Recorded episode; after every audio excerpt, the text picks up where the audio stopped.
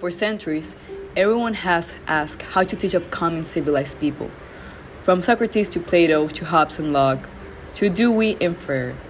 Human history has constantly been reviewing, revising, and philosophizing about what education means and what true education does. In today's society, education has become a cornerstone in the creation of nations, and governments put a big importance to it, such as schools and universities. In those institutions, students are formed with education and learning because that is where future workers are prepared for the world of tomorrow. However, are students really learning at school or care about their futures? And are even schools really teaching us? I've seen in the past years the school isn't the same, and education has definitely collapsed. But why? The answer is simple the grade system. According to researchers Jeffrey Schinske and Kimberly Tanner, grades apparently just around the 1940s and their primary reason was to ease communication between institutions. But if grades were not created with students in mind, why do students care so much about them? One of the main reasons is, the high, is the stakes are high. Factors such as GPA are important for internships, college admissions, and jobs. This is basically survival of the fittest. No college or university will accept a student with a 2.0 GPA in comparison with a student of a 4.5 GPA. Grades have a big impact on the GPA and lead to a big change in the future, and universities tend to care more about these factors without taking the student in mind and their difficulties, as if only grades matter.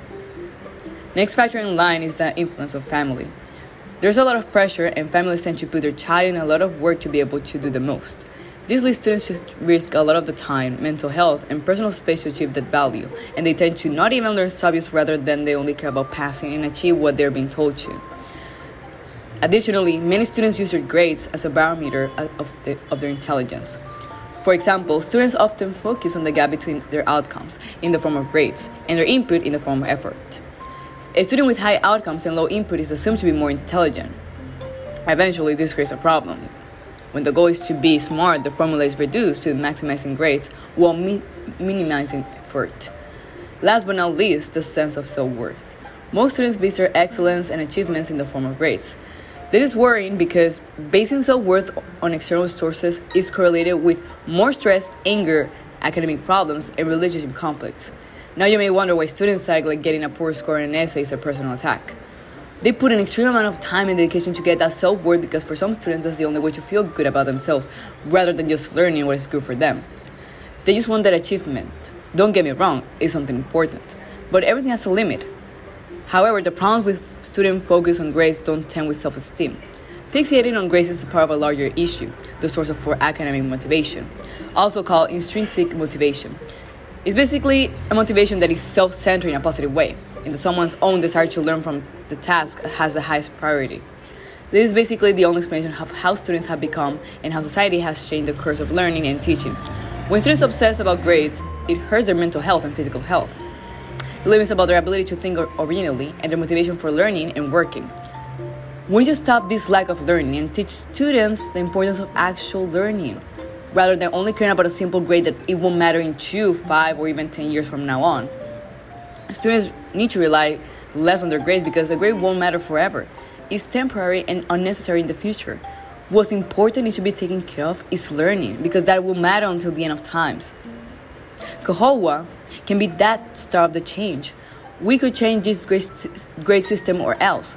We would ask ourselves in the future, are students really learning? Because what are we teaching them if, if institutions don't even pay attention to their mental health at first? We, as a big community, need to encourage learning, encourage motivation and potential, because there's so much more than working to get that grade. We need to learn and pursue education. The administration of Kahowa should motivate teachers to less to put less emphasis on grades and to motivate students to actually learn and to not put pressure on grades and to achieve that perfection. A change starts small, and if Kahowa works on these different techniques and find a way to either put less emphasis on grades or find another system, it will be the start for a new beginning. Let's work together with institutions of education and even the government to implement new techniques and ways to make the learning process even better, and not basing everything on grades. This is an invitation to change for the better for our students and the future leaders of tomorrow.